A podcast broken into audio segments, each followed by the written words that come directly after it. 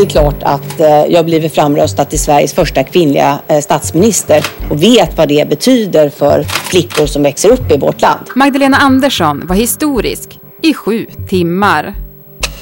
Sen blev hon historisk igen när hon avgick som statsminister innan hon ens hunnit tillträda. Men eh, vad, vad kommer du göra nu då? På en kvart får du veta vad som hände när det blev polsk riksdag i svensk politik. Och vad som egentligen händer nu. Det är torsdag den 25 november. Jag heter Alexandra Karlsson. Och det här är dagens story från Svenska Dagbladet.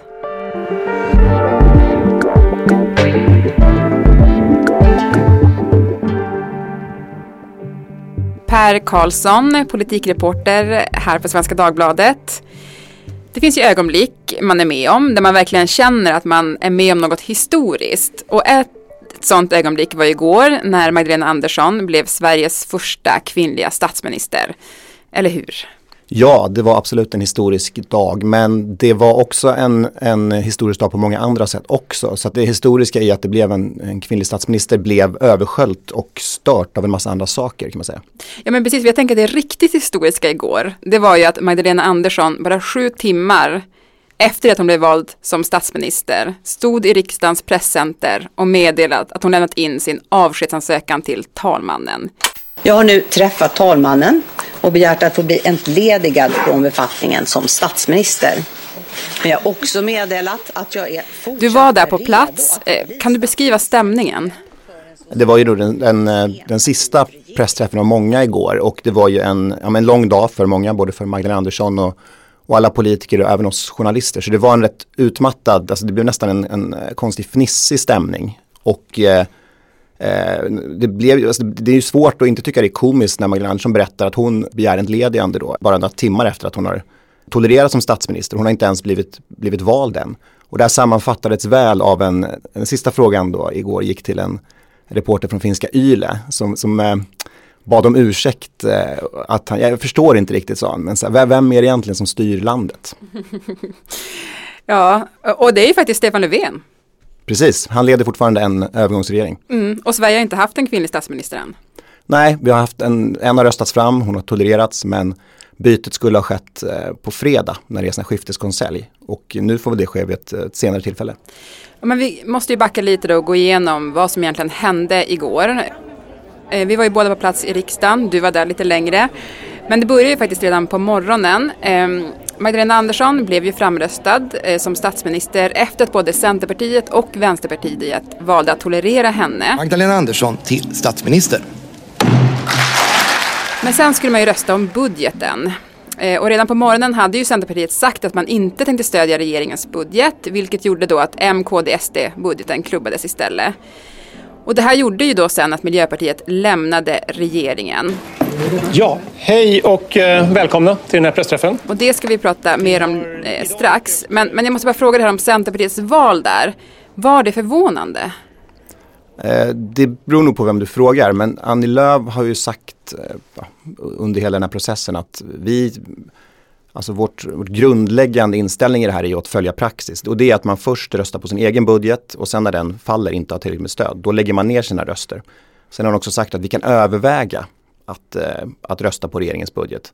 Men man, Centerpartisterna var irriterade på att de här förhandlingarna som skedde då kvällen innan den här hysteriska dagen, eller som, som blev klara då mellan Vänsterpartiet och regeringen. Eh, att de tog så lång tid. Så man väntade med sitt besked vilket gjorde att det kom så extremt eh, nära in på allting.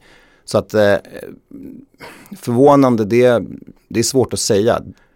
Centerpartisterna de kände väl att vi blir placerade i vänsterburen i svensk politik om vi väljer den här vägen. Men det, och det, man kan tycka att det här var ändå någonting som kunde ske. Förvånande, nej. Miljöpartiet verkar ju ändå blivit lite för, förvånade över det här beskedet och jag tycker man märkte direkt på tonläget från språkrören att de verkligen var upprörda över Centerns besked. Ja gud, efter, efter statsministeromröstningen då när egentligen det historiska hade hänt då, att Sverige hade, det hade röstats fram en Sveriges första kvinnliga statsminister så var det helt, det, liksom, det bolmade ilska ur miljöpartisterna och de utanför salen där så de verkligen ryckte tag i en och ville prata om hur arga de var på Centerpartiet och Karolina Skog då som är eh, miljöpartist i riksdagen sa att Annie Lööfs ego har liksom gått alldeles för långt och de var ja, jätte, jättearga. De var argast igår, så kan man väl säga. Mm. Och för att måla upp då en bild från riksdagen för de som inte är där så kan man ju säga att det finns en rulltrappa som leder upp till kammaren. Och inför omröstning så är liksom alla reportrars och fotografers blickar riktade mot den här rulltrappan. För det är där partiledarna kommer upp och de brukar också stanna då för att ge kommentarer. Och jag och vår kollega Erik Nilsson, vi stod där då redo eh, att haffa partiledarna och eh, då kom det två riktigt arga språkrör fram till mikrofonen. Jag tycker att det här är väldigt anmärkningsvärt att vi på en och samma dag först ska in och rösta för det historiska beslutet att vi får Sveriges första kvinnliga statsminister. Att vi sen, som det ser ut... Men jag måste ändå fråga dig Per, trodde du att det skulle gå så långt som att Miljöpartiet några timmar senare faktiskt skulle lämna regeringen på grund av det här? Eh, ja, men, av den anledningen att eh, om du går ut då som de gjorde språkrören och säger att eh, det är såklart jättekomplicerande för oss att regera då på en budget där man eh, bland annat sänker bensinskatten och som är framförhandlad med Sverigedemokraterna. Går man ut och säger en sån sak och sen ska man då några timmar senare säga att äh, vi gör det. Eh, så. så att de skulle väl gå tillbaka och eh, de måste såklart eh, prata med sitt parti om det de ska göra. Men jag tyckte att det absolut lät så. Men, men ja, det är ju lätt att säga nu då. Mm, ja, precis. Men var det här ett svårt beslut för Miljöpartiet att fatta? Jag hörde Märta Steneviisen sa, hon sa att det, ja, det är ett politikersvar då, men att det både var svårt och inte svårt. Svårt för att det är ett väldigt rörigt eh, läge just nu. Hon sa också att det är väldigt svårt, hon hänvisar då till klimatkrisen och att Miljöpartiet behövs i regeringen.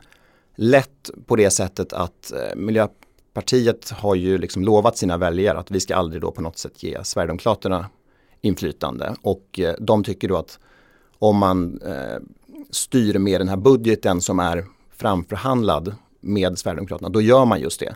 Så att jag tror att eh, både och, men det är klart att miljöpartisterna har ju länge pratat om att de eventuellt ska lämna regeringen när det gäller helt andra frågor. Då har de alltid sagt att de, eller ledningen har sagt att de alltid gör mer nytta om de sitter kvar i regeringen.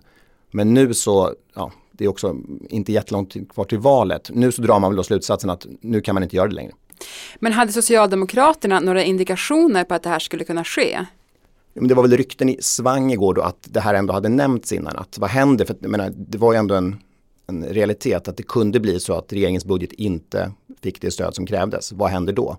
Så att det är klart att de hade koll på att miljöpartisterna skulle kunna göra så här. Däremot så blev det ju olyckligt tror jag för Magdalena Andersson och Socialdemokraterna såklart att samtidigt som det kommer nyhetsflashar om att den första svenska kvinnliga statsministern har röstats fram så manöver, alltså så får det konkurrens av att miljöpartisterna funderar på att lämna regeringen. Jag tror inte de var helt eh, nöjda med varandras, eller med Miljöpartiets kommunikationer.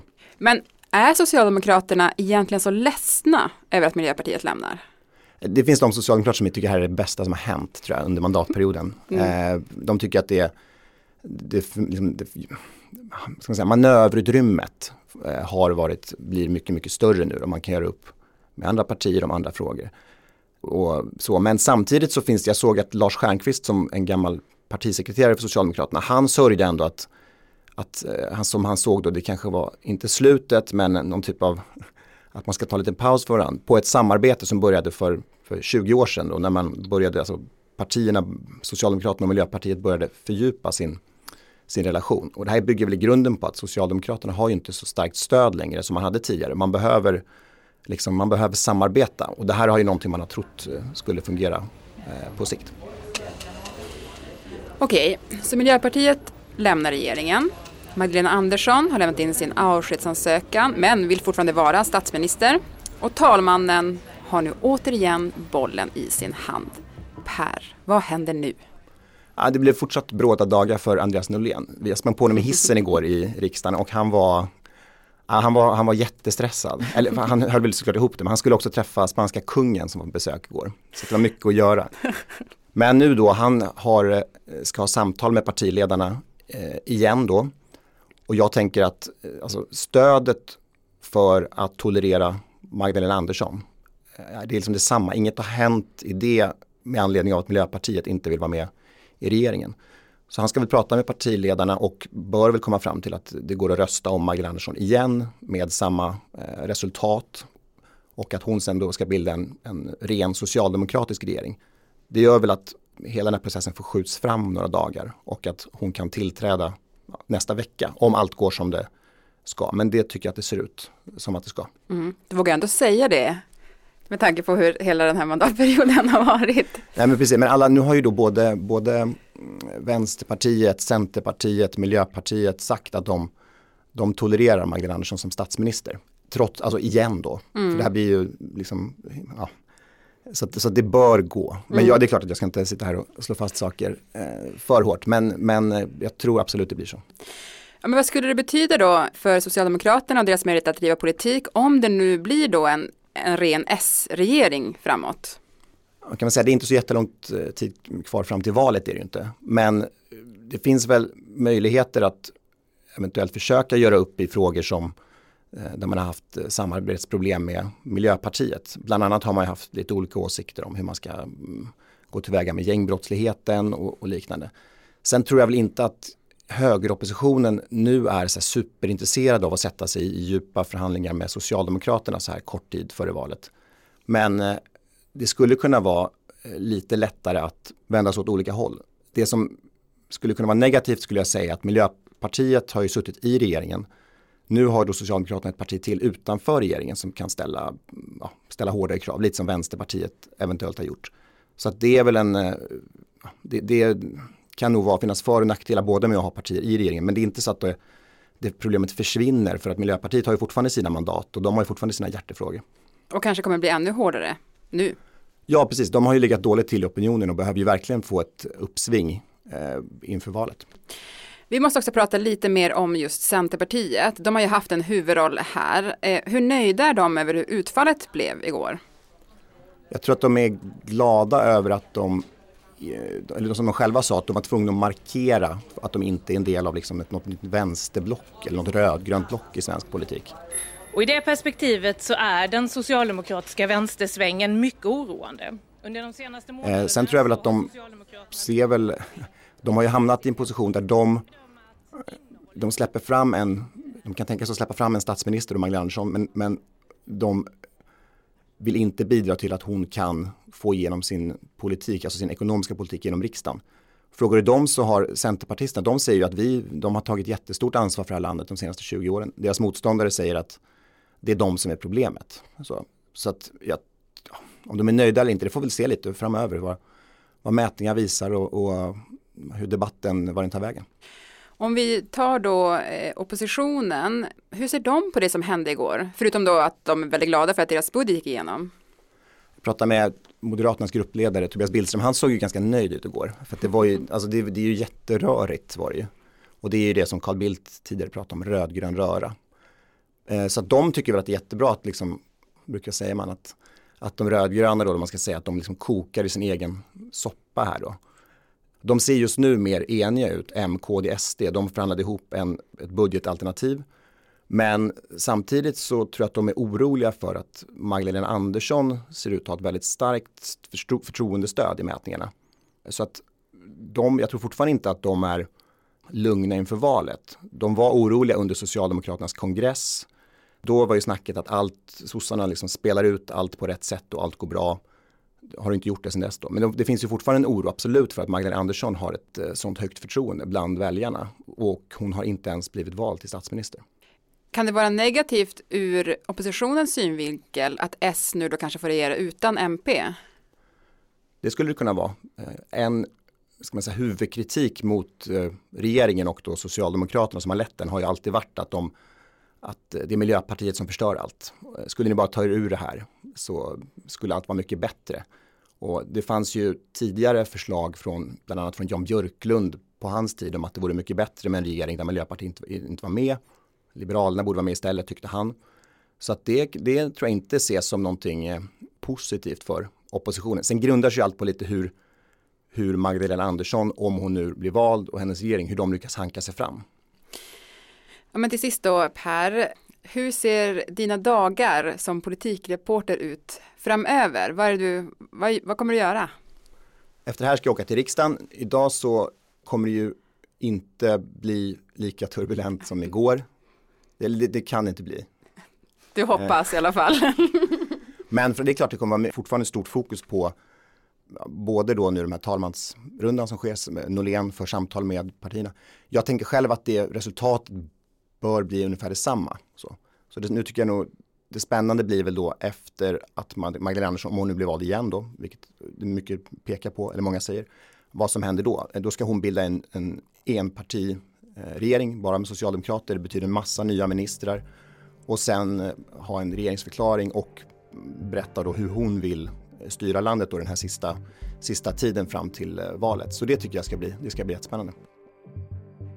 Men du, tack Per för att du tog dig tid att vara med i Dagens Story. Tack så mycket. Och vill du höra mer om vad som händer i svensk politik och vad det snackas om i maktens korridorer? Lyssna då på Politiken med Torbjörn Nilsson, Annie Reuterskiöld och Maggie Strömberg, också från Svenska Dagbladet. Dagens program producerades av Daniel Persson Mora. Redaktör var Teresa Stenler von Matern. Och jag heter Alexandra Karlsson.